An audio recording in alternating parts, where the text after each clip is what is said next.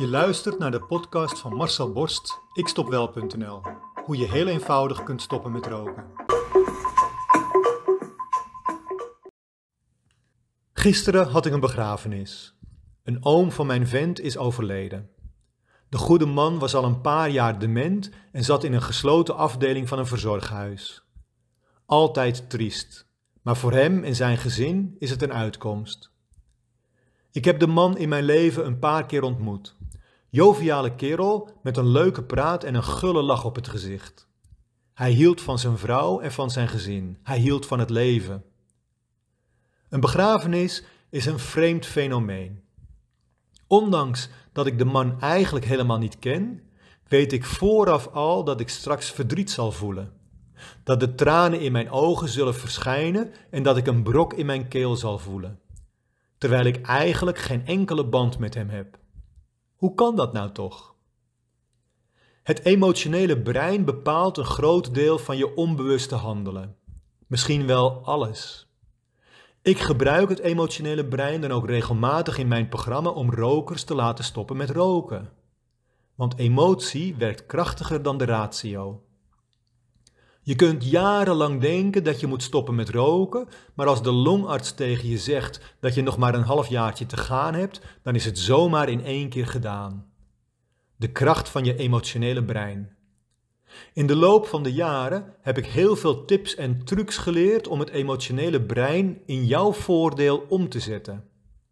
Om heel gemakkelijk te stoppen met roken bijvoorbeeld. Van één trucje kon ik gisteren zelf wel even de kracht en de werking ervaren. Ik vertel rokers namelijk altijd hoe ze gemakkelijk en snel in die eerste moeilijke weken na het stoppen toch van de sigaret af kunnen blijven. In mijn programma geef ik daar een aantal heel eenvoudige trucjes voor met een hele grote impact. Dat heb ik gisteren op de begrafenis zelf ook even ervaren. Ik zie het gebeuren. Op hetzelfde moment als wanneer het bij mij gebeurt, zie ik dat de kleinzoon van de overledene opeens van het denken overschakelt naar het voelen. Als therapeut let je nu eenmaal op dit soort lichaamstaalsignalen. Opeens voelt hij en ik de emotie opkomen. Hij beweegt wat met zijn lip, ik ook. Er komt wat vocht in zijn ogen, bij mij ook. Hij voelt een brok in zijn keel, ik ook. Hij grijpt de hand van zijn vriendin, ik die van mijn vent, want ik heb nog steeds geen vriendin. En dan gebeurt het. Op dat moment weet ik dat dit voor een roker het moment zou zijn waarop je weer een sigaretje zou nemen. Ik vraag me altijd af waarom ze dat dan doen als ze heel graag willen stoppen. Ik denk ook meteen aan het trucje dat ik ze dan geef. Dat zou de oplossing moeten zijn. En ja hoor, de kleinzoon grijpt inderdaad naar zijn pakje sigaretten, neemt er eentje uit, steekt hem op en ontspant daarna zichtbaar weer in zijn stoel. Ik doe mijn trucje. Ik adem een paar keer op een hele speciale manier diep in en uit wat niemand verder merkt. En in mijn gedachten denk ik, waar zou ik nu veel liever willen zijn, waar ik helemaal vrij en gelukkig kan zijn? Opeens zat ik in gedachten op het strand van Thailand met een lekkere massageboy die mijn rug volop aan het bewerken is. Op hetzelfde moment valt bij mij de emotie weg. De traan verdwijnt, het brok in de keel is als een druppel water tussen de rotsen volledig verdwenen en ik voel me opeens helemaal happy en gelukkig. In 10 seconden tijd van bijna moeten huilen naar relaxed en vrij. Ik heb dus geen sigaretje hoeven pakken om een beter gevoel op te roepen dan de kleinzoon nu waarschijnlijk ervaart met sigaret. Dat trucje deel ik met de deelnemers uit mijn online programma. Iets uitgebreider dan hier uiteraard en we oefenen het ook een paar keer. De kracht ervan heb ik gisteren zelf weer eens ervaren.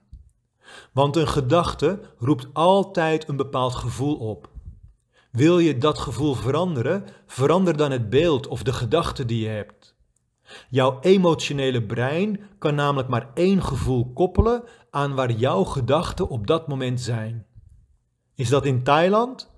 dan voel je je relaxed en op je gemak. Is dat op de begrafenis van je opa, dan voel je verdriet. Is het het feit dat je bent gestopt met roken en dat je daardoor gestrest bent? Of denk je dat het je niet gaat lukken? Dan voel je je gestrestheid en wil je meteen weer roken. Wil jij nog meer trucjes leren hoe je gemakkelijk in één keer kunt stoppen? Ik heb ze allemaal opgenomen in mijn online programma, alle acht. En ze zijn allemaal net zo eenvoudig als degene die ik hier nu net met jou heb gedeeld. Want als jij in die eerste weken elke keer dat stressgevoel binnen 15 seconden alweer kunt uitschakelen, om het daarna urenlang niet meer te voelen, hoe snel ben jij dan een niet-roker? Inderdaad, heel snel. Wil jij ook stoppen met roken?